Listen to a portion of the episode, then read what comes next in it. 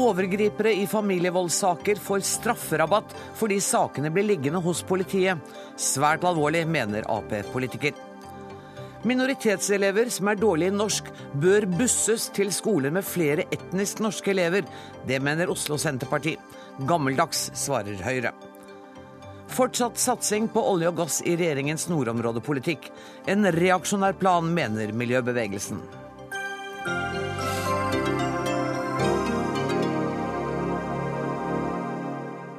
Dette er mandagsutgaven av Dagsnytt 18, der vi også skal høre at både Ibsen og Brecht er aktuelle på Det Norske Teater neste sesong. Men først. Det skjer hver eneste uke at mennesker som har begått grov vold mot familiemedlemmer, får strafferabatt. Årsaken er ofte sen saksbehandling hos politiet. Det viser en gjennomgang Aftenposten har gjort. Riksadvokaten har gjentatte ganger understreket at slike saker må få prioritet, men det ser ut til at lite skjer. Eller hva, statsadvokat Reidar Brusgaard hos Riksadvokaten? Vel, la meg begynne med å si at eh, det selvfølgelig er svært beklagelig eh, eh, når vi opplever det som Aftenposten her beskriver. Og jeg, jeg, har lyst til å henvise til justisministeren, hans ti justismål, hvor det pekes på viktigheten av en mer effektiv straffesakskjede. Altså Dette er grunnleggende viktig. Både av hensyn til eh, aktørene som er involvert, men også for å få eh, et godt resultat, at man klarer å ha god fremdrift i sakene. Så tar jo vi selvfølgelig eh, Aftenpostens gjennomgang og den kritikken som de her relaterer oppslaget til, nemlig høyesterettsavgjørelser, til etterretning. Men dere må jo ha visst om det? Det kan jo ikke være nytt for dere det Aftenposten bringer? Nei, eh, og eh, vi, vi, er opptatt av å sette fokus på dette. Dette har vært eh, fokusert på over år, og inngår da i våre styringsdokumenter årlig, bl.a. i dette mål- og prioriteringsskrivet vårt. Som jeg sa innledningsvis, dette, du, du, sier ikke noe nytt nå. Dette har vært gjort siden 2008, da Riksadvokaten sendte et eget rundskriv om dette. Og så har det vært gjort hvert år til og med nå. Ja. Og min påstand var da at det er lite som skjer. Eh, jeg, jeg, eh, har lyst til å nyansere det litt. Fordi, okay. Eh, fordi altså, dette er et vanskelig, vanskelig, område. Det har vært en utvikling med flere anmeldelser. Og jeg, jeg tror det skal tas til inntekt for en, en positiv, positiv, håndtering fra politiets side. Altså, dette er et område med store mørketall. Flere anmeldelser tror jeg betyr at politiet håndterer dette på en bedre måte. Og Ser man på tidsperspektivet, så går eh, behandlingen av disse sakene raskere. For eh, ti år siden så hadde vi kanskje 200 dager. I dag så har vi eh, på uprioriterte saker et krav om 120. Så bildet er ikke entydig. Men så er det jo også slik at det er enkeltsaker som går galt. Og, da blir det nødvendig å prøve å eliminere mest mulig av det avviket. Og ganske mange enkeltsaker går galt, og det finnes eksempler på saker som ingen har sett på på tre år. Riksadvokaten har sittet i dette studio og vært bekymret over at det kanskje har vært en noe skjevprioritering i politiet. At man har eh, prioritert beredskap, sikkerhetsarbeid, mer enn etterforskning. Ja, og det, det, tror jeg også, også, er riktig. Eh, det som er veldig positivt, er at den analysen som Riksadvokaten har, har, har, forfektet over flere år, nemlig at etterforskningsfaget har kommet litt i bakleksa, det har nå eh, både Politidirektorat og, og Justisdepartementet eh, i og for seg jeg kaller det akseptert. Mm. Altså man, man har på en måte kommet litt i enighet om hvordan verden er. Og Nå er det fokus på tiltakene og, og oppfølging av disse. Knut Smetsrud, du er avdelingsdirektør i Politidirektoratet, og du eh, sitter her som ansvarlig for, den, for det som ikke har skjedd her. En saker som har ligget i inntil tre år uten at en eneste etterforsker har åpna mappa. Hva sier du? Eh, da vil jeg nok si at vi er to som er ansvarlige her. Altså, jeg har prøvd å ta han litt allerede. Påtalemyndigheten har nok også sitt, sitt del av ansvaret her, men, men Politidirektoratet har selvfølgelig også et, et ansvar. Eh, særlig i forbindelse med kompetanse, ressurser, den type ting. En sak som har ligget i tre år? Det har jeg ikke tenkt å forsvare, fordi at det er rett og slett ikke godt nok. Da er det noen som ikke har prioritert, sånn som eh, de har fått beskjed om at de skal prioritere. Dette er type saker som skal prioriteres foran andre. Det betyr at de skal gå raskere. De skal eh, gis etterforskningsressurser mm. på bekostning av andre saker. Eh, og når vi finner sånne eksempler, så har de ikke fulgt det. Hva kan dere gjøre da? Vi kan gjøre relativt mye. altså Vi gjør jo bl.a. at vi setter stort fokus på en del sånne ting akkurat nå. Eh, det som vi har hatt veldig stort fokus på i år, det er jo dette med barneavhør, som er en del av denne kategorien saker. Altså familievoldssaker. Eh, hvor vi ser at eh, tiden nå går ganske kraftig ned. Det samme med restanser, dvs. Si altså Eh, antallet saker som er under behandling. Mm. Det har vi også hatt veldig stort fokus på i, i år. Og vi ser at uh, nå reduseres det antallet ganske kraftig. 10% reduksjon i løpet av de to siste månedene. Uh, og vi kommer til å få enda bedre tall før året er omme. Men når dere ser at det er et, uh, et område som ikke blir prioritert i henhold til Riksadvokatens instruks. For han gir ikke et råd, han gir en ordre om at dette skal prioriteres. Eh, hva konkret gjør dere da? Altså, Da gjør vi akkurat sånn som jeg sier. Vi driver eh, ganske eh, nøye oppfølging av det enkelte politidistrikt. Og så skjønner jeg at det er enkeltsaker som, som slipper unna her. Men eh, vi har et godt samarbeid med Riksadvokaten og statsadvokaten i forhold til dette. Vi har felles inspeksjoner hvor sånne saker trekkes fram og gis beskjed om at det skal prioriteres. Men eh, det, hvor, hvor, frustrerende er det for dere to å sitte og si at dere gir instrukser og dere gir beskjeder, og så kommer Aftenposten med disse opplysningene? Altså, det må jo være utrolig vanskelig? Jeg, jeg, mener jo at analysen er eh, ganske god, og vi vet eh, mye om hvor problemet ligger. Og, og eh, Jeg mener også at ordren som er gitt, er klar. Og, og da, da, vil jeg gjerne peke på tre faktorer som jeg mener er sentrale i dette. Og Det ene er jo forankring hos ledelsen, hos toppledelsen. Det er et ledelsesansvar? Det er et av, et av elementene som vi peker på. Altså En tydeligere forankring og eierskap hos toppledelsen er helt avgjørende. Jeg har lyst til å bruke et eksempel fra Romerike som, som, eh, som, da på bakgrunn av svake resultater på det området her har evaluert seg selv med henblikk på forbedring. Kjempebra, eh, fordi man ønsker å bli bedre. Eh, og det viser også overfor hele organisasjonen at man tar grep. Så lederansvar. Det andre er dette med fagledelse. Eh, vi har altså hatt et par rapporter, eh, viktige rapporter som har avdekket mye av det som har vært mangelfullt i politiet.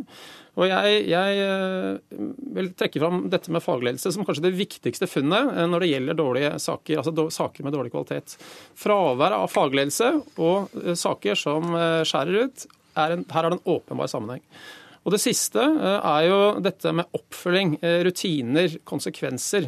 For det, for det, er nok behov for at eh, både politiet og påtalemyndigheten i større grad eh, enn i dag tåler å bli sett i kortene. Mm. Altså jeg, jeg, jobber hos Riksadvokaten, og vi har en månedlig eh, gjennomgang av hver enkelts eh, saker. Eh, vi har krav om 90 eh, behandlede saker innen 30 dager, og, og, måles da hele tiden på det. På det. Sånn, sånn må vi også tåle på alle nivåer i politiet. Og oppfølging som da Eh, oppfølging må også få konsekvenser, og holder ikke å påpeke, men vi må, vi må klare å følge opp. Her kan vi bli bedre. Er du enig i det, Smedsrud? Dette er jeg ubetinget enig i. Når skal dere begynne å gjøre noe med dette, da? Du, Det har vi begynt med for en god stund siden. Jeg vil påstå at vi ser det hver eneste måned, at vi har bedre resultater. F.eks. kriminaliteten går ganske dramatisk ned i hele landet. Ja, Men når vi snakker om denne gruppen saker, så er Aftenpostens oppslag er korrekt. Eh, de har gjort en gjennomgang som dokumenterer at det er for langsomt. Og da tenker jeg at ja, det kan godt hende dere har jobba litt, men dere har, det har ikke vist seg ennå. Jo, det har vist seg på mange områder. Og så ser jeg fortsatt at vi har en vei å gå. Og så finner du alltid enkeltsaker som ikke er håndtert eh, helt adekvat. Eh, og i dette tilfellet så ser det ut som det er litt for mange av den typen. Og det er uheldig, og det skal ikke forsvares. Det skal vi gripe tak i. Men jeg vil eh, holde fast ved at det skjer ganske mye positivt i politiet. Dere skal ha tusen takk for at dere kom til Dagsnytt 18, Reidar Brusgaard og Knut Smestrum. Vi skal fortsette å snakke om eh, denne saken. For situasjonen er alvorlig, mener altså både riksadvokat og politidirektorat. Men og noe skjer, noe går bra, men allikevel er det for mange saker som blir liggende. Hva kan så politikerne gjøre med dette? Lene Vågslid, du er leder av Arbeiderpartiets utvalg mot vold i nære relasjoner. Du har hørt denne debatten, eh, eller denne samtalen mellom Riksadvokatembetet og Politidirektoratet. Hva tenker du? Det er jo ingen tvil om at det er mange ting som allerede blir gjort fra politisk hold. Samtidig så viser disse sakene at eh, det nå er veldig viktig å eh, si at politireformen som alle venter på, er nødt til å handle om mer enn bare struktur. Den er nødt til å handle om etterforskning. Eh, det er et stort behov for å styrke etterforskninga i politiet. Etterforskningsfaget. Det har justisministeren sjøl uttalt veldig tydelig. Og da er jeg dessverre litt bekymra for hvilket grunnlag vi har gått inn i politireformen på, når NRK i går hadde en sak om at den arbeidsgruppa som justisministeren ville sette ned for å eh, kartlegge og se på tiltak for å heve etterforskningsfaget, nå er utsatt med et halvt år. Da sier justisministeren at det ikke er hans ansvar, men Politidirektorat sitt ansvar. Eh, det reagerer jeg på. Jeg mener at det i aller høyeste grad er et politisk ansvar, eh, som jeg håper at verp Verp fra justiskomiteen er enig med meg i, for vi er nødt til å styrke etterforskningsfaget i politiet. Jeg håper at Verp ikke har tenkt å snakke så mye om den arbeidsgruppa som kanskje blir utsatt, ja, for det var ikke det vi skulle snakke om akkurat her nå. Kan du ta ti sekunder på det, så kan vi gå tilbake til vold i nære relasjoner? Så vidt jeg kjenner den saken, så var jo det Politidirektoratet som nedsatte den gruppen. Og, og, det er vi alle enige om at det er viktig at det arbeidet fortsetter. Det jeg har lyst til å, å si, er at uh, oppslagene vi har sett i det siste rundt familievold, som blir liggende, som fører til eh, straffereduksjon, som uh, rammer på mange måter dobbelt de som allerede er rammet av uh, en volds- og overgrepssituasjon, det er, det er sterkt inntrykk. Mm. Det er det ingen som ønsker. Eh, ingen politiske partier, naturligvis, og vi hører politi og påtalemyndighet eh, sier det samme, så at vi nå forhåpentligvis kan eh, samle oss alle sammen om det som er vesentlig. Og fra politisk hold så, så syns jeg det er to strategier vi må peke på. Det ene er jo det å, å løfte fram etterforskningen. Eh, styrke etterforskningen både med ressurser og kompetanse. Det ligger, Der er du enig med Vågslid? Helt klart. Ja. Og Derfor har jo også regjeringen lagt inn 50 nye årsverk i uh, politiet på påtalesiden, på såkalte påtalejurister. Og vi også styrker, uh, styrker den høyere påtalemyndighet, som det heter. I tillegg Men kan ikke du, Hvis du tar etterforskningsbiten i politiet, du skal få lov å fullføre, så er det jo noe med at um, det å drive med etterforskning i politiet uh, gir i slutt mye lavere lønn enn om du er på gata og får helgetillegg og risikotillegg. Sånn at det har jo vært en lønnsforskjell mm. mellom etterforskere og de som er ute i gata. Det, det handler jo om anseelse og jeg har sittet i justiskomiteen nå i, i fem år, ja. og, og, det, har gjen, altså det, har vært en gjenganger også under på en måte, Før den forrige regjeringen, men la oss ikke dele ved det. Nei, nei. Det er ikke hovedsaken her. Eh, men når vi leser statsbudsjettet, justisbudsjettet for neste år, på akkurat dette punktet, så er det faktisk det nærmeste jeg noensinne har lest et justisbudsjett som sier at nå legger vi inn en lønnsøkning. Det okay. kan man ikke gjøre i justisbudsjettet, egentlig, men formuleringene går så langt det nesten er mulig okay. å si at dette er viktig for å styrke etterforskningsfagets anseelse, nærmest, mm. anseelse i, i, politietaten og påtalesiden. Så, så, så vi, vi, gjør mye, og vi skal gjøre enda mer. Uh, Vågslid, um bør det være sånn at det er en sammenheng Altså denne strafferabatten oppleves jo også utrolig urettferdig fra offerets side. Mm. Helt klart. Og jeg mener at det, altså det er vanskelig, etter min mening, å akseptere at det blir gjeve strafferabatter. Her snakker vi om fedre og mødre som har utsatt ungene sine for vold og overgrep over lang tid. Eh, vi politisk sier at vi ønsker at han eh, skal anmelde disse sakene. Vi sier at det er et alvorlig samfunnsproblem, noe det er. Eh, og da er det klart problematisk når en nå opplever at Stortinget, tverrpolitisk sådan, heve skjerpa straffene for vold i nære relasjoner. Da er det vanskelig på generelt grunnlag å akseptere at det blir gjeve strafferabatter. Hva sier du, der? Ja, dette er, Det er en veldig god beskrivelse av hvordan dette helt sikkert oppleves ja. av de som er rammet.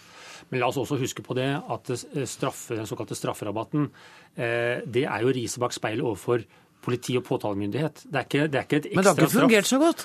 Nei, men det, er altså, det, skal, det var det som var intensjonen. Og det, ja. det håndteres og forvaltes av dommerne mm. og, og, og, og, rettssystemet og Høyesterett. Så la oss bare si at jeg skjønner det. Men, men, la oss også ha tillit til dommernes eh, egen vurdering. Men jeg var inne på også den andre strategien. Mm. Den første strategien fra regjeringens side det er altså å styrke etterforskningsfaget, styrke etterforskningskompetansen og ressursene der. Det ligger i budsjettet. Den andre strategien det er jo forebyggingsstrategien. Mm. Det ligger 200 millioner kroner i budsjettet for å styrke skolehelsetjeneste og helsestasjoner. Nettopp som et, en synliggjøring av at for regjeringen er det viktig å gripe fatt i dette og få oversikt på et så tidlig stadium som mulig, spesielt for de yngste. Og, og løfte dette fram, slik at vi kan få oversikten, sette inn tiltak tidlig, slik at vi kanskje og forhåpentligvis kan unngå at dette i det hele tatt blir en straffesak. Ja, altså Jeg støtter eh, absolutt alt Anders Werp sier i forhold til budsjettet. Eh, det er én ting jeg savner når vi nå snakker om vold mot barn. Så vet vi at en av de virkelig viktige tingene som ble etablert under den forrige regjeringa, var barnehusene. Mm. Nå har vi ti barnehus i landet, og er en kjempeviktig eh, institusjon for barns rettssikkerhet. Der har Arbeiderpartiet fremma en rekke forslag i Stortinget som har blitt vedtatt. Eh, tverrpolitisk, både om å styrke kapasiteten, men òg gjøre bruken obligatorisk for barn. Og hvorfor er det viktig? Jau, fordi når vi snakker om enigheten om å styrke etterforskninga, så betyr det òg at de ungene må raskt inn til avhør på en sikker eh, og god plass. Eh, og der har jeg etterspurt arbeidet fra justisministeren hvordan de planlegger å iverksette dette. Mm. Jeg er spent på tilbakemeldinga. Budsjettet som ligger nå, dessverre er ikke godt nok for å kunne fyre opp de, eh, de vedtakene når det gjelder å styrke barnehusene. Barnehusene har vi diskutert tidligere, og vi kommer til å diskutere det igjen. Men det hadde vært fint om vi slapp å diskutere én gang til det der med at uh, det vil gi strafferabatt i stort monn fordi at det er uh, altfor dårlig behandling hos politiet. Ja, det håper jeg virkelig at dette er siste gang, og jeg håper budsjettet er et skritt på veien. Og jeg ser også at uh, ventetiden på dommeravhør i barnehusene er gått ned under denne regjeringen, så vi har mye å glede oss over. Tusen takk for at dere kom til Dagsnytt 18, Lene Vågslid og Anders Werp.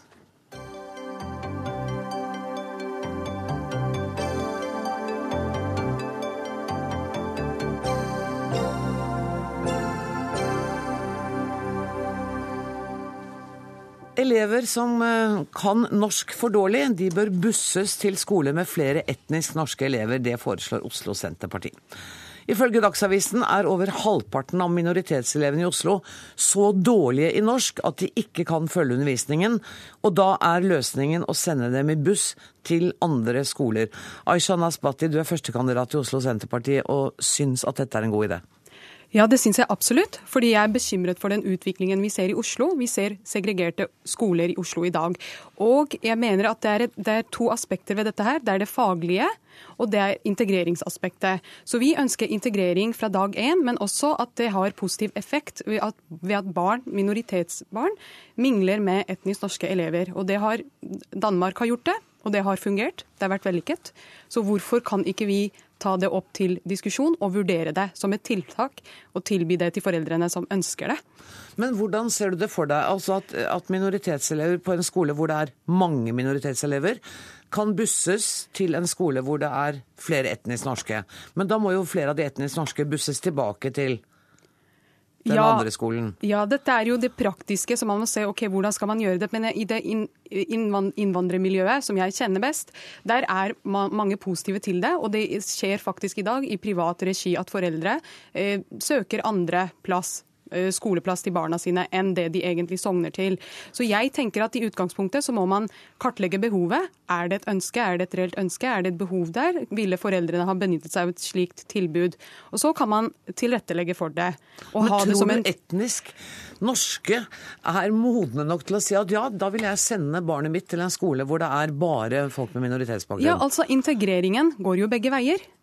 Så hvorfor ikke? Men tror du, sånn som situasjonen er i dag, jeg skulle ønske, og eh, det, det, denne debatten må vi ta, og jeg, det er derfor jeg er glad for at vi diskuterer det i dag. Fordi vi har, et, vi har segregert, vi har en delt by. Mm. Det er faktisk en realitet. Og jeg syns det er en uheldig utvikling. Og det er derfor jeg har tatt, satt fokus på dette temaet. Og derfor så mener jeg integrering går jo begge veier. Så det er jo, det er jo svært ønskelig at, eh, at, man får det til begge, altså at det er gjensidig bussing. Og med bussing, og da tenker man tenker Det er så negativt ladet ord. at man man tenker med en gang at elevene blir satt inn i en buss og kjørt av gårde Ja. til eh, andre siden av byen. Det er jo ikke det som er tanken. Det skal tanken, skje i lokalmiljøet. I, i lokalmiljøet, rett og slett. Men da ser du for deg også at når et barn Da har du faktisk byttet skole. Det er det du gjør. Ja. Ja. Ja, altså det, det er et, transporttilbud. Ja. Til at, man eh, har en, en, at myndighetene tilrettelegger for at det er et transporttilbud til en skole der hvor det er en mer Altså vi må rette på denne skjevheten.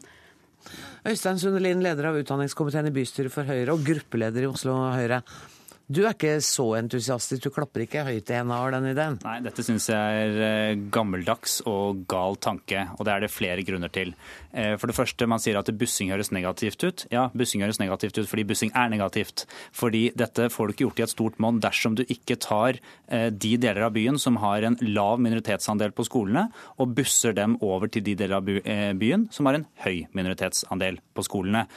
Du må gjøre det begge veier, for det er ikke fri kapasitet noen steder av byen, snarere tvert imot. Men her hadde det gått an å gjøre det, som hun sier, innenfor et lokalmiljø.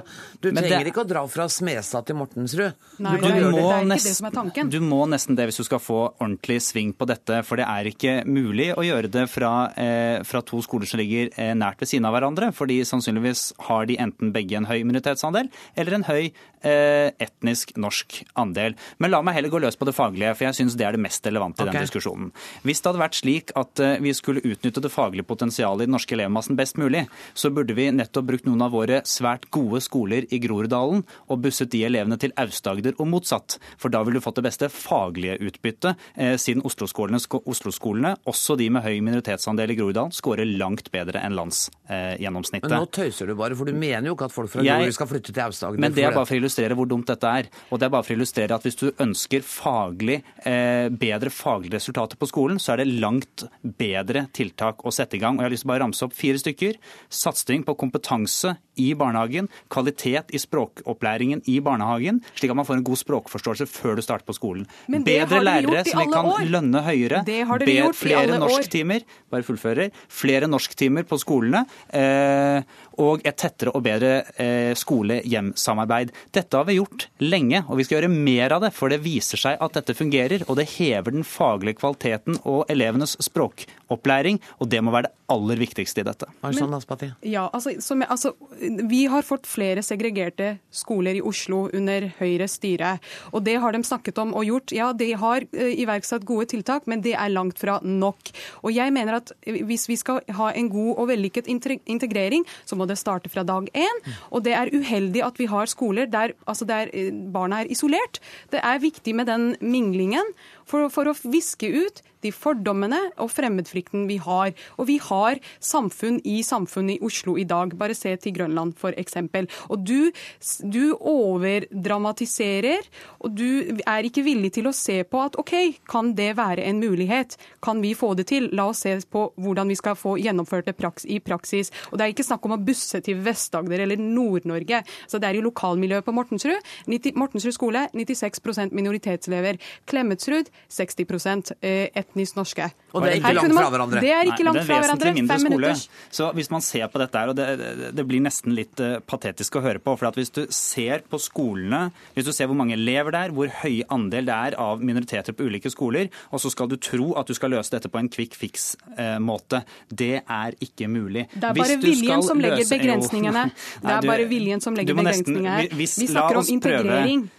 Hva velger du, Øystein? Integrering eller segregering? Jeg velger god språkopplæring i alle Oslo-skoler. Det vil være den beste løsningen. Hvis du har tenkt å få full fart på det du skisserer her, og få med deg venstresiden i Oslo hvis dere vinner et valg på det, eh, så er du nødt til å gjøre dette her i stort monn. Og da er du nødt til å ha titalls busser fra den ene kanten av byen til den andre kanten av byen hver eneste dag. Og det vil ikke jeg at eh, ungene skal gjennom. Jeg vil at man skal ha muligheten til å gå på nærskolen sin, og jeg vil at man på nærskolen sin skal få så god språk, språkopplæring som Det overhodet mulig. I Danmark så ble det innført som et prøveprosjekt. Det, har vært, det var vellykket, og de har det per i dag også.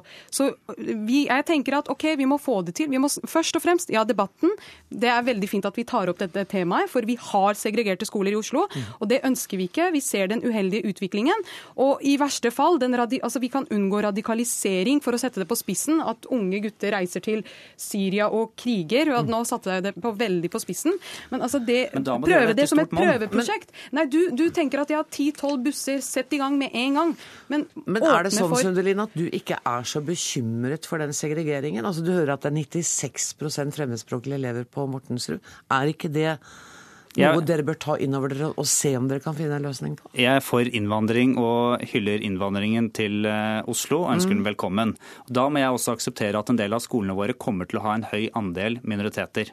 Så må, segregeringen bekymrer deg ikke? Da må mitt svar på det være at jeg skal gjøre mitt ytterste som politiker for å sørge for at jeg har best mulig lærere, flest mulig timer i norsk, best mulig språkforståelse etter endt barnehage, eh, at vi kartlegger det, at vi forstår utfordringene i skolen. Det, det er de der vi skal sette inn. Og det viser seg å fungere i Oslo-skolen også. Når de starter på skolen, så har de, det er flertallet som trenger særskilt språkopplæring. Vet du hva, Vi er nødt til å sette en strek, men dere kommer til å komme igjen og snakke om dette. Jeg er helt sikker på. Tusen takk for at dere kom, Aishan Spatti ja. og Øystein Sundelin. Takk skal du ha. Nær 50 skoleelever er drept av et selvmordsangrep mot en gutteskole nordøst i Nigeria i dag. Ingen har så langt påtatt seg ansvaret eller skyld for angrepet, men det nasjonale politiet i landet sier til nyhetsbyrået FP at det etter alt å dømme er den ekstremistiske opprørsgruppen Boko Haram som står bak. Afrikakorrespondent Sverre Tom Radøy, eh, kan ikke du bare kort dra oss gjennom hva som har skjedd i dag? Ja, Det var altså klokka 7.50 at disse ungdommene på denne tekniske videregående skolen Eh, nordøst i landet var samlet for en morgenstund. Én eh, hadde helt andre planer, hadde tatt på seg en, en, uniform, utkledd som en skolegutt, men hadde også med seg bomber i, i massevis, som da tok livet av, av 50 stykker. Nærmest, eh, nærmere 50 stykker. Sykehuset ligger bare 100 meter unna, så de ble straks fraktet dit, de 79 sårede. Flere av dem skal også være kritisk såret, så dette tallet 40 48 kan nok eh, bli høyere. Hvordan har nigerianske myndigheter reagert? Med avsky. Good luck, Jonathan, eh, denne presidenten som jo sliter med et dårlig rykte når det gjelder Boko Haram nå, eh, han har kalt det en avskyelig handling og vil ettersøke denne handlingen med alle, alle midler. Men han har jo et forklaringsproblem, for dette har jo nå pågått i store deler av hans periode. Ja, og Samtidig har jo myndighetene i landet sagt at vi har inngått en fredsavtale vi med Boko Haram. Ja, Det var i oktober at uh, dette kom fram, og mange hjerter gledet seg. og Det ble også sagt at disse jentene, disse uh, er det 219 som mm. fremdeles er savnet etter uh, kidnappingen i april, de skulle frigis. Det var jo bare tøys. For han som skulle ha forhandlet for regjeringen, nei, for Boko Haram, han representerte i hvert fall ikke ledelsen. Så lederen selv har eh, gått ut, senest i går, med en skrytevideo der han sier at det ikke er noen fredsvåpenhvile i det hele tatt, snarere tvert imot. Det vi vil, det er en krig med gevær, og vi lengter etter dette som et godt måltid. Og Det betyr at uh, man ikke kan se bort fra at det kommer til å være flere tilsvarende aksjoner? Nei, hvorfor akkurat Boko Haram jo er utpekt som eh, synderen her, eh, selv om de ikke har tatt på seg skylda, det er jo at over 20 personer skal bli drept i samme by forrige uke. Da tok de på seg skylda. 40 elever ved en annen skole ble, ble drept i eh, februar, osv. osv. Morten Bøås, du er seniorforsker ved Norsk utenrikspolitisk institutt. Boko Haram, hvorfor tar de skoleelever? Nei, altså De tar skoleelever som er ledd i en, man si, en målrettet kampanje for å slå ut uh, det de ser på som vertslige, verdslige, altså ikke-religiøse institusjoner i denne delen av Nigeria. Og uh, skolene er viktige for de både som symboltunge, men også for at de er ganske lette å ramme. altså Det er lett mye lettere å ramme en skole enn f.eks. det er en militærforlegning. Og Boko Haram har da gått ut og sagt at uh, rettroende muslimer har ikke noe å gjøre på disse skolene. og Dermed så blir de elevene som går på skolene, sett med Boko Harams øyne, legitime mål. Men dette her virker jo som en organisasjon som er ganske veldrevet. Har den også støtte i befolkningen? Det er veldig vanskelig å si, men det er klart noe støtte har den. Den har noe støtte fordi noen rett og slett tror på dette her. Den har noe støtte fordi leveforholdene her oppe har blitt så vanskelig, i en kombinasjon av vannstyre, korrupsjon, manglende ressurser og den eh, miljøkatastrofen som er på gang når hele altså den store Tsjadsjøen er i ferd med å tørke inn. Det driver noen i Boko Harams retning, for de har eh, penger. Og i tillegg, etter hvert som de nå har fått større og større makt og fått kontroll over større og større territorier, så er det dessverre lokalbefolkninger som ikke har noe annet valg enn å fremforhandle et eller annet forhold med Boko Haram, for det er der de kan få noe beskyttelse. For den nigerianske hæren og politiet evner ikke å beskytte de overhodet. Men det var jo også snakk om, for dette er jo en, en, organisasjon som det tydeligvis er vanskelig å bekjempe. Den skiller seg jo fra IS f.eks. på måten den er organisert på. Mm. Og så var det snakk om at både Kina og USA skulle bistå med etterretning. Har det gitt noe resultat?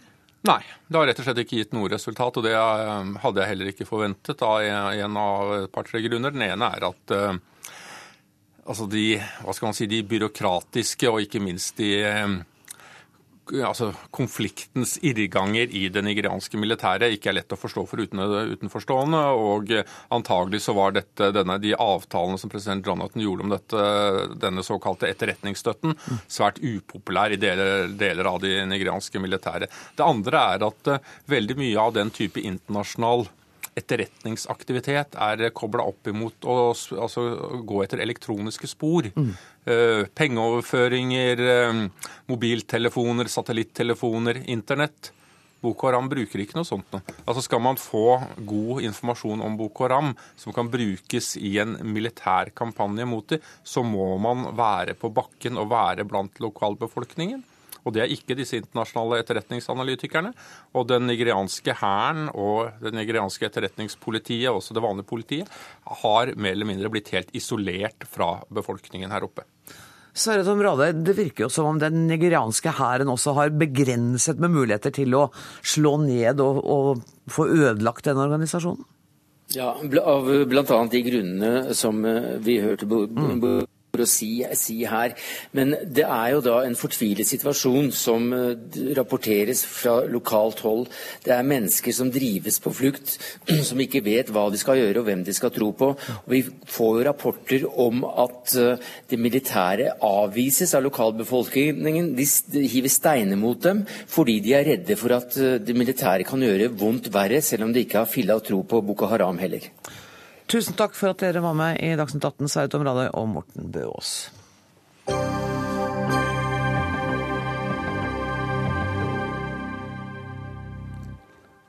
Reaksjonær og uten ambisjoner. Miljøbevegelsen og opposisjonen har satt, har satt disse ordene på regjeringens nye rapport om nordområdene. Statsminister Erna Solberg, du var altså i Hammerfest i dag sammen med utenriksministeren og la fram rapporten Nordkloden, som dere kaller nordområdene. Eh, jeg går ut fra at du har fått med deg noe av kritikken både fra miljøbevegelsen og også fra opposisjonen i dag. Hva svarer du? Jeg svarer at dette er en rapport som viser både hva vi har oppnådd så langt, men ikke minst hvilke hovedsaker vi skal jobbe med fra regjeringen fremover. Vi har sagt vi skal gjøre det innenfor fem områder. Vi skal jobbe det innenfor internasjonalt samarbeid. Vi skal jobbe innenfor eh, koblingen mellom næringsliv og forskning. Vi skal jobbe med kunnskapsutviklingen. Vi skal jobbe med å sette sammen det store puslespillet som infrastrukturen i nord er. Og vi skal sørge for bedre overvåkning, sikkerhet, beredskap og miljøvern i områdene. Og under det så har vi konkret vist retningen på mange av disse hovedoverskriftene våre. Eh, og enkelttiltakene kommer jo i budsjettene hvert enkelt år. Noen av de tiltakene ligger allerede i budsjettet for inneværende år. Og det er 3 milliarder kroner som er satt av for 2015? Det er 3 milliarder kroner som brukes til en samlet eh, nordområdesatsing i år. Det er faktisk 574 millioner kroner mer enn i fjor. Og siden 2013 så er vi altså opp over 700 millioner kroner. Så er jeg den første til å si at jeg er egentlig ikke så glad i sånne tall. For når den forrige regjeringen fortalte at de hadde gitt 224 millioner et år, så var jeg ute og kritiserte det, for da hadde de lagt sammen litt kreti og pleti av alt som skjedde i nord. Mm. Men det viktigste er at det er strategisk på viktige områder. Denne regjeringen har annonsert en klarere og tydeligere profil på mineralpolitikken i nord. Vi har en klar og tydelig profil på infrastruktur, og vi gjør konkrete ting for å gå videre i nordområdene. Jonas Gahr Støre, leder av Arbeiderpartiet og medlem i utenriks- og forsvarskomiteen. Du er akkurat nå i Dubai med World Economic Forum. Um, Nå hører vi Erna Solberg si at det er en økning i budsjettavsetningene til nordområdene, og at de har en profilert retning på arbeidet. Det syns jo ikke du? Ja. Nei, men da skal ikke jeg gjøre som eh, Erna Solberg gjorde for noen år siden, henge meg opp i de tallene. For da Jeg vil først begynne med å si at jeg syns den rapporten er veldig fin. Den, den de har lagt fram. Den er eh, informativ om alt det som skjer i nord. Og det er jo satsinger som ble til eh, i vår regjeringsperiode, og med støtte fra bredt flertall på Stortinget. Så dette er jo temaer som vi først og fremst bør stå sammen om. For dette handler jo ikke bare om enkelttiltak, men om en strategisk satsing av det nordlige Norge opp mot Arktis. Og Det temaet jeg er på møter om nå her nede, det er jo Arktis. Mm. Uh, og, og, Jeg ser jo her hvilken enorm interesse utviklingen i Arktis har. og Det er gledelig, men det er også litt skremmende. For det betyr at vi får inn i disse områdene sårbare områdene enorm oppmerksomhet om økonomisk utvikling, mineralutvikling, som, som, gjør at kanskje de to tingene jeg savner ved rapporten, er, etter å ha fått lest den litt sånn på nett i dag Det mm. ene er at statsministeren sier at dette er regjeringens satsing. Jeg syns den er litt mangelfullt forankret i fagmiljøene i nord. Altså Det er viktig at nordområdepolitikken eies i nord, og at disse miljøene virkelig er med på utarbeidelsen av den. og Det syns jeg kunne ha en tydeligere profil. Og det andre er at jeg er urolig for at Norge kan miste noe av det initiativet vi har hatt i nordområdeutviklingen internasjonalt. Fordi at det kommer nå så mange tunge, og det har skjedd de siste årene, så det er enda sterkere enn vi opplevde i vår periode, som melder seg på i nord.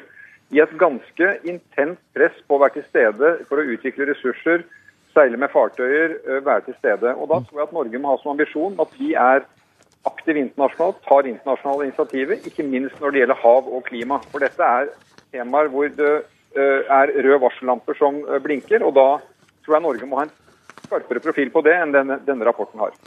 Kan ikke du kommentere på det med en gang, statsminister? Et av de viktige punktene i denne rapporten er jo nettopp det som dreier seg om beredskap, overvåkning og internasjonalt ansvar for å utvikle Arktisk på en god måte. Og Det er jo blant de tingene vi annonserer her, en klar og tydelig profil på at vi gjennom de internasjonale organisasjonene skal jobbe med standardene og kodeksene for hvordan man skal oppføre seg i Arktis. Så jeg skjønner rett og slett ikke Jonas Gahr Støre sin kritikk av, for det er et klart og tydelig punkt i dette. Men han sa I tillegg, også at... sånn, ja, tillegg så er det sånn at denne regjeringen, da, som en stor satsing i budsjettet, etablerer nå en egen uh, miljøbase i Lofoten og Vesterålen for å sikre at et av de områdene hvor det er mye trafikk forbi, og som ikke har oljevirksomhet, det vet vi at vi kan ha ulike synspunkter på, men ikke har oljevirksomhet og derfor ikke har så mye beredskap, nå skal få en styrket beredskap mot den skipstrafikken. 80% av skipstrafikken i Arktis går i norske farvann. Uh, Kari Elisabeth, vet du, hva, vet, vet du, hva, Vi må ta inn Kari Elisabeth Kaski, som er nestleder i miljøorganisasjonen Zero, og som sitter her i studio hos meg. Du var den som sa at dette var en reaksjonær plan. Hvorfor det?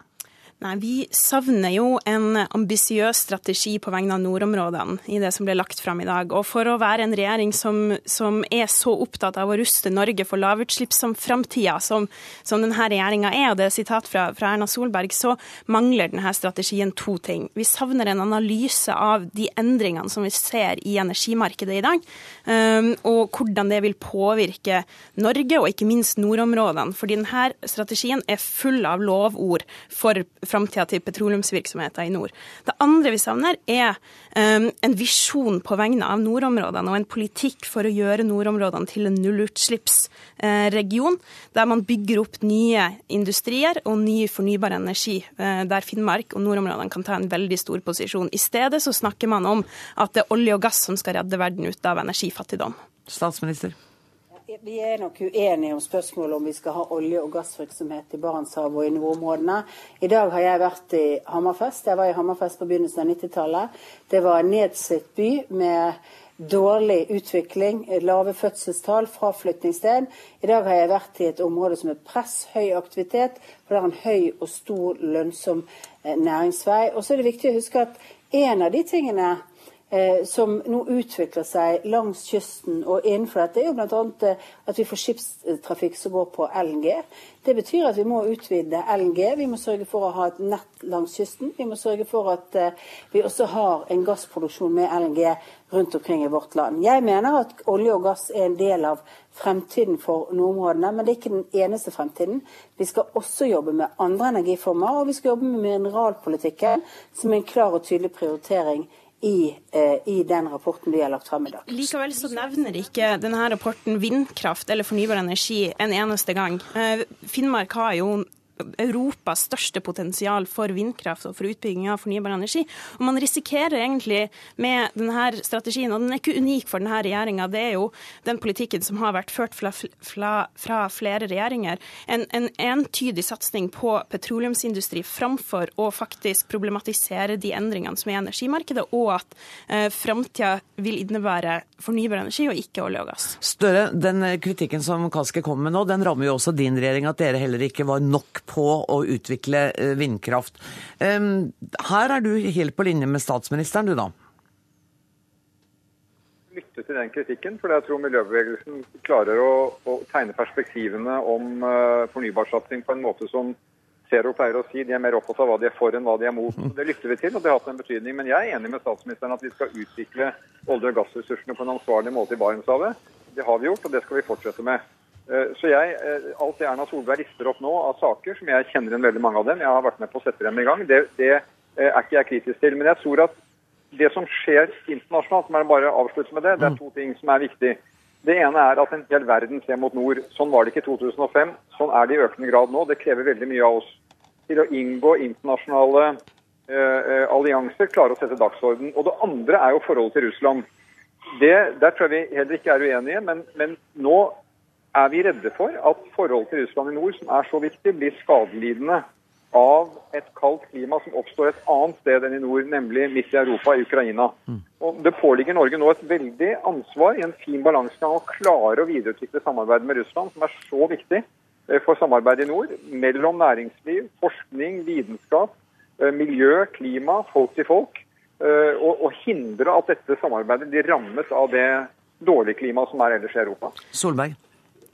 Jeg er helt enig i at vi skal sørge for å ha, uh, fortsette med de gode tingene vi har i forhold til samarbeidet med Russland. Samtidig må vi ikke, må vi ikke undervurdere det faktum at en del av folk-til-folk-samarbeidet, de frivillige organisasjonene og annet opplever tilbakeslag rett og slett på utviklingen i Russland. Mm. Når mange av de samarbeidsorganisasjonene som norske organisasjoner har hatt, eh, blir stemplet som agenter for utenlandske interesser, Bellona kan sikkert fortelle mye eh, om sine utfordringer med det arbeidet de har gjort på, på miljø og klima i samarbeid med russiske organisasjoner.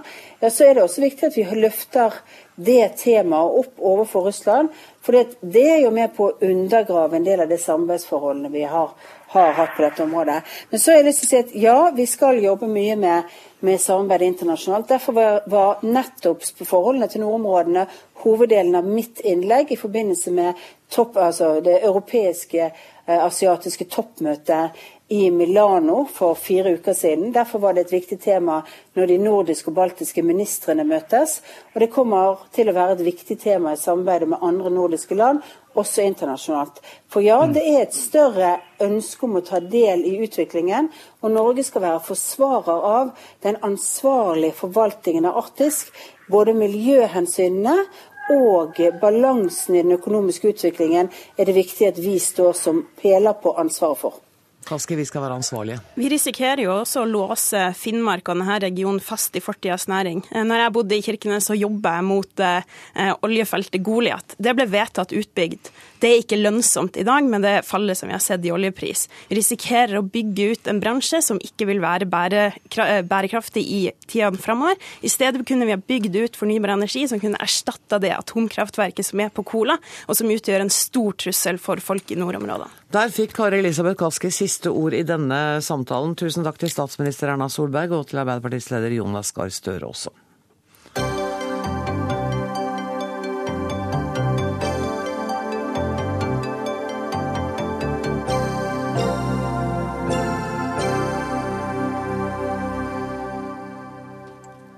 Det ble overveldende flertall for en løsrivelse fra Spania under gårsdagens uoffisielle folkeavstemning i Catalonia. Likevel var valgoppslutningen bare på 33% Nå er spørsmålet hva katalanske myndigheter skal bruke resultatet til, ettersom avstemningen verken var godkjent av den spanske regjeringen eller av grunnlovsdomstolen. Førsteamanuensis ved Universitetet i Tromsø, Markus Buch.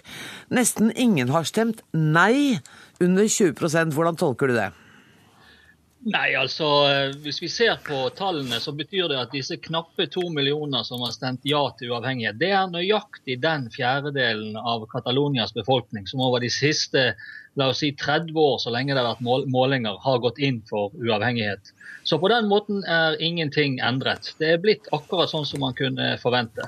Men det er jo klart, eh, Artur Mas, som er statsminister i Catalonia, vil jo bruke dette for alt det er verdt, og ikke minst internasjonalt. Det de sier nå, det er at nå er det den internasjonale opinionen som skal vinnes. Men hva kommer til å skje da, hvis du sier resultatet var akkurat sånn som man kunne forventet, og akkurat sånn som stemningen er i Catalonia? Skjer det ikke en ting da? Nei, ikke noe annet enn at Catalonia kan få eh, forhandlinger om økt selvstyre, slik som det alltid har vært rom for innenfor den spanske grunnloven. Eh, det kan også være det at eh, man kan få støtte for blant litt flere folk til å få gjennom en grunnlovsendring som man for så vidt var med på å fremforhandle for noen år siden, men som ble stoppet i sentralregjeringen. Så på den måten så blir det gi og ta som det alltid har vært.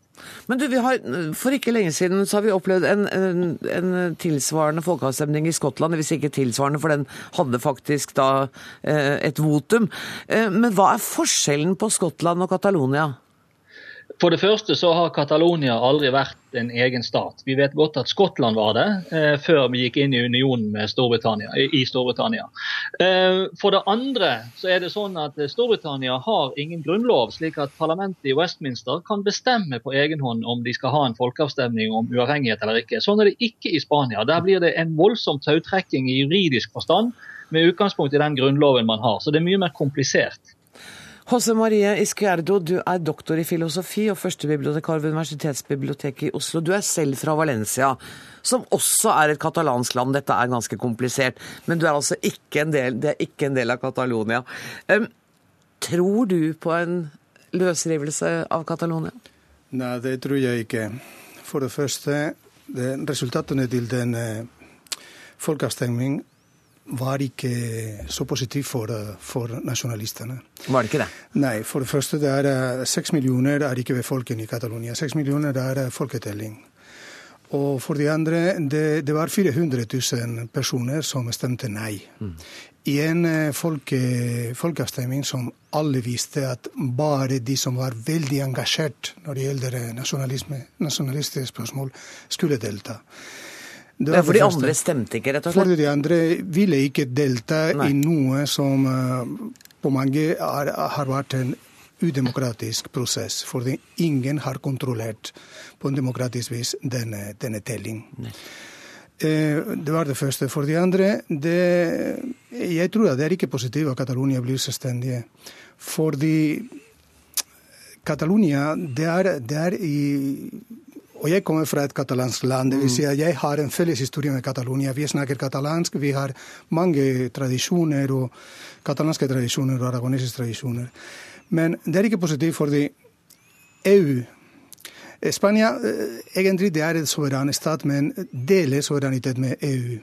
Og EU har sagt at de vil ikke ha en ny stat. Spansk stat, ja. Og for det måtte Catalonia ha gjort. De måtte da, Hvis det skulle bli løsrevet, så måtte de forhandle om et EU-medlemskap med EU. Selvfølgelig. Og EU har sagt nei. Mm. Frankrike har sagt nei. Vi må huske at det er en del av Catalonia er i Frankrike og Mm. Det er det Roussillon. Og, og Spania sa nei. Og det kommer til å fortsette hele tida. Men kan man tenke seg allikevel at Catalonia kan få en større grad av selvstendighet? Ja, det er det vi håper. Ok. Si på hvilket felt da? Det som er nødvendig, er at, at den spanske regjering og hele den politiske etablerte verden i, i Spania tillater en reform av grunnloven. Mm. Og da vi må fordype det federale systemet som vi har i Spania. Men det er ikke nødvendig at alle har samme eh, selvstyringsnivå. Catalonia trenger mer. Derfor det er nødvendig å etablere en asymmetrisk federalisme. Dvs. Si at Catalonia og Baskerland har en forskjellnivå enn f.eks. For Andalusia. Har høyere nivå og har større frihet enn Andalusia. Akkurat som Quebec i Canada. Men for sånn som det er nå, så er det vel sånn at i Baskeland, Baskeland kan innkreve skatter, og ja. så gir de noe til sentralmyndighetene. Ja. Det kan Catalonia ikke? Nei. Det kan ikke. Og det er, det er helt absurd at uh, folket er så imot uh, dette. Fordi det, du vet, når du uh, investerer en euro mm. i Catalonia, mm. den euro produserer f.eks. to euro. Hvis du investerer en euro i andre regioner i Spania, du mister produktivitet. Derfor, hvis vi snakker om en unitær staten, det er mye bedre at noen områder eh, fungerer på en måte som de trenger og de vil. Fordi det katalanske problemet, for å si det, det sant, kommer aldri til å forsvinne, vet du. Blir aldri borte. Catalonia er en nasjon. Mm.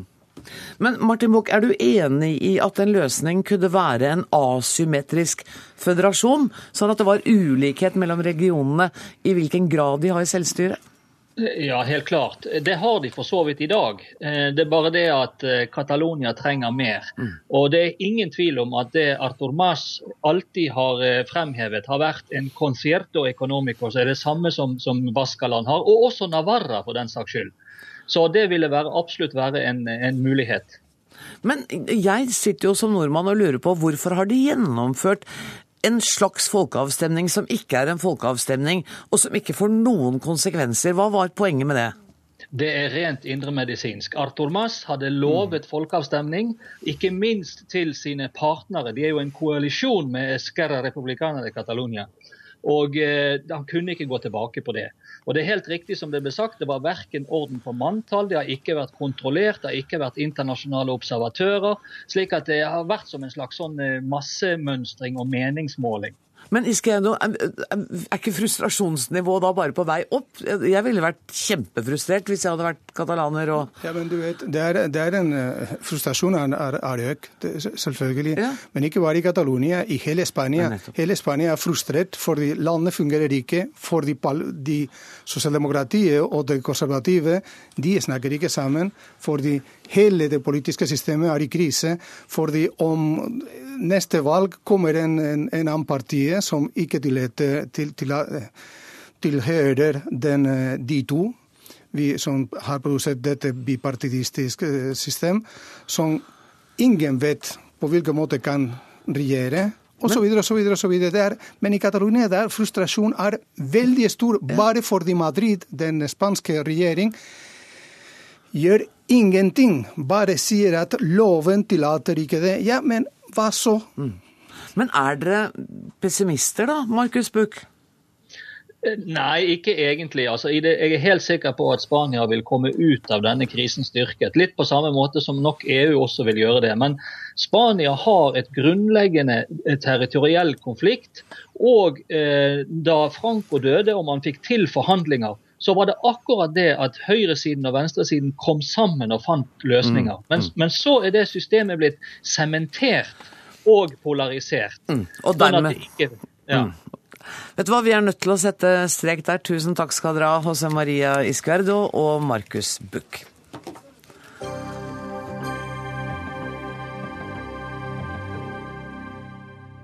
Um, til litt hjemlige spørsmål nå. Ibsen, Brecht og Den blodigste musikalen i katalogen er blant oppsetningene på Det Norske Teatret til våren.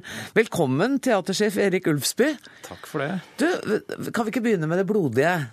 Jo, det altså, er jo fristende. Ja. Sweeney Todd er kanskje den grusomste musikalen jeg har sett i mitt liv. Ja, ja hvor har du sett den? Jeg så den i Oslo da den ja, gikk på. Den på ja, jeg gjorde det. Ja, jeg gjorde det. Så hyggelig.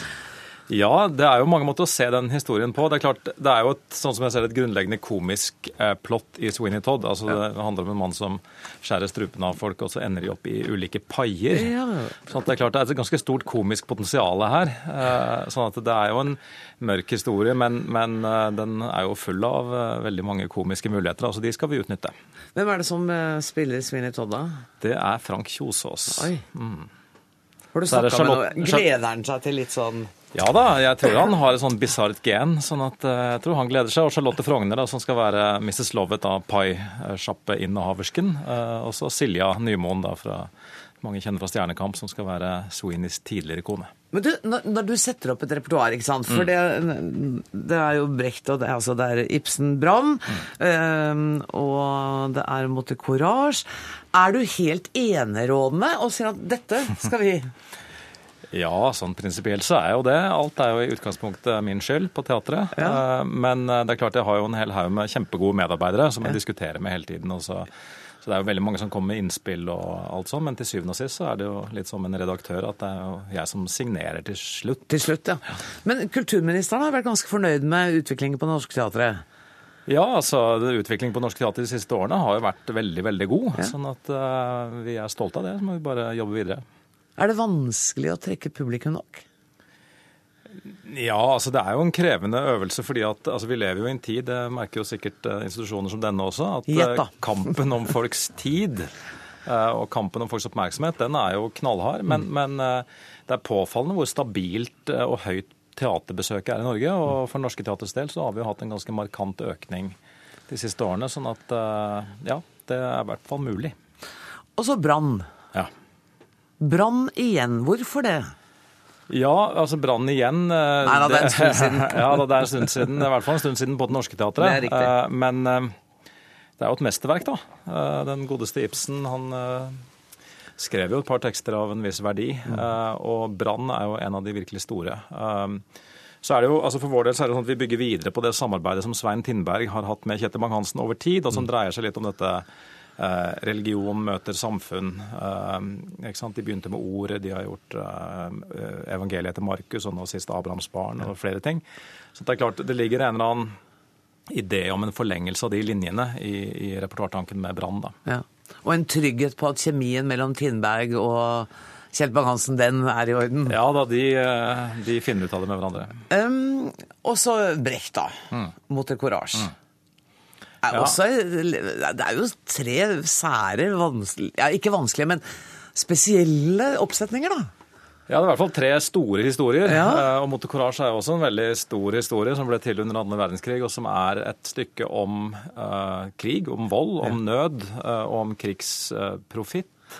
Uh, temaer som ikke er ugyldige i dag heller, dessverre. Nei. Og om tap av barn? Um, og om tap av barn, ja. ikke sant? Sånn at uh, dette skal vi jo da forsøke å, å møte vår tid da, og prøve å kontekstualisere, som det heter, uh, med Ane Dahl Torp som motocourage. Sist så var det jo Liv Ullmann på Norske Teatret. Så du den nå, eller? Nei, den så Nei. jeg dessverre ikke. Okay. Men, men Ane Dahl Torp så jeg i um, Det gode mennesket fra Sichuan. Og det er, jo, er det en slags link her fra det gode mennesket til motocourage? Ja, det kan du si. Altså, på samme måte som det med for Svein Tindbergs del er en, ja. en sammenheng mellom hans uh, historikk uh, på teatret, så er det jo litt sånn for Ane også å gå videre med det språket som er Brecht-språket. Altså det som handler om å, å bryte veggen, uh, altså fremdungen, som Brecht kalte det. ikke sant? Altså, så det er jo stil, et stilarbeid som går videre. tematisk så er det jo to ulike historier, men, men, eh, men, eh, det handler om godt og vondt. da. Det handler om det mørke og det lyse. Eh, alt, alt dette, alle disse tre stykkene handler om det. Ja. på en måte, Det mørke ja. og det lyse, det gode mm. og det mm. onde. Mm. Du, siden vi har liksom etablert at det er du som har skylda og æren Er det sånn, Når du går til skuespilleren og sier du, jeg har tenkt at du skal ha denne rollen, hvordan, hvordan Nei, det varierer jo selvfølgelig litt avhengig av hvilken rolle det er snakk om og hvilken skuespiller det er snakk om, men, men, i all hovedsak så er det sånn at alle skuespillere har lyst på store utfordringer. Ja. Og disse rollene her er jo udiskutabelt store utfordringer, sånn at uh, de er blitt veldig fornøyd med disse oppgavene, tror jeg.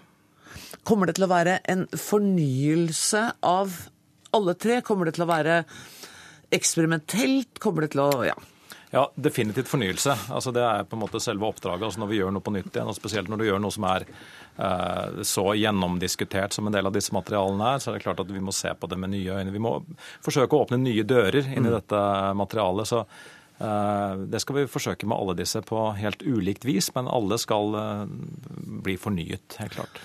Du, vi har bare rukket å snakke om tre av forestillingene. Altså, mm. sju av forestillingene følger jo med fra høstsesongen mm. over i vårsesongen. Mm. mm. Og dere spiller på en masse scener. I hvert fall fire. Ja da. ja da. Altså, det er jo elleve nye premierer til våren, pluss sju i repertoar. sånn Publikum kan jo velge mellom 18 titler uh, til våren, så det er uh, mange muligheter til å få med seg noe som interesserer på Norske Teatret. Rekker teatersjefen å se alt? Ja, han gjør det, altså. Han skulle nok sett et par ting enda flere ganger, men han får det med seg. Er du involvert det er veldig kort tid igjen, men jeg har lyst til å høre. Er du involvert i den enkelte oppsending? Ja, det må jeg jo. Altså, Jeg må jo bry meg. sånn at uh, det er klart at Noen prosesser er litt mer krevende og krever litt mer involvering. Andre prosesser flyter ganske fint, og jeg kan sitte stille og kose meg. Det er viktig å bry seg. Uh, denne sendinga er slutt. Tusen takk til Erik Ulfsby, teatersjef på Det Norske Teater. Ansvarlig for Dagsnytt 18 i dag var Alf Hartken. Det tekniske ansvaret er det Finn Lie som har. Jeg heter Anne Grosvold. Vi høres igjen i morgen. Takk for nå. Música